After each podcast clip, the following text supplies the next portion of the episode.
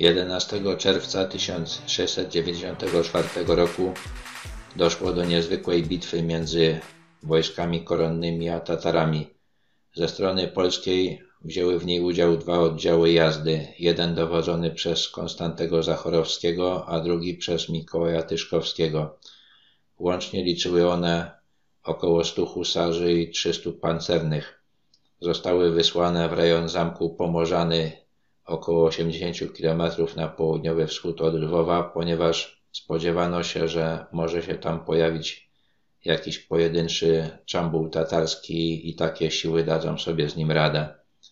Do starcia doszło pod wsią Chodów. Najpierw husarze i pancerni rozbili straż przednią Tatarów, ale szybko zorientowali się, że za tym oddziałem ciągną znacznie większe siły, które nie będą w stanie sprostać w otwartym polu.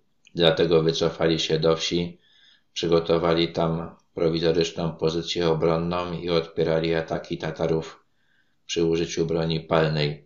Po sześciu godzinach szturmów Tatarzy, którzy ponieśli już poważne straty, wysłali parlamentariuszy, domagając się, by Polacy się poddali.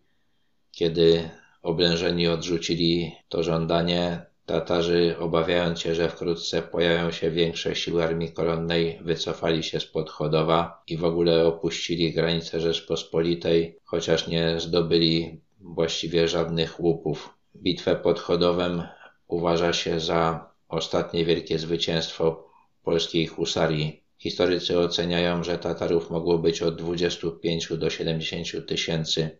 Król Jan III Sobieski podał, że Tatarów było 40 tysięcy i taką liczbę podaje się najczęściej. W następnym roku na koszt króla zbudowano na polu bitwy pomnik, który stoi tam do dziś.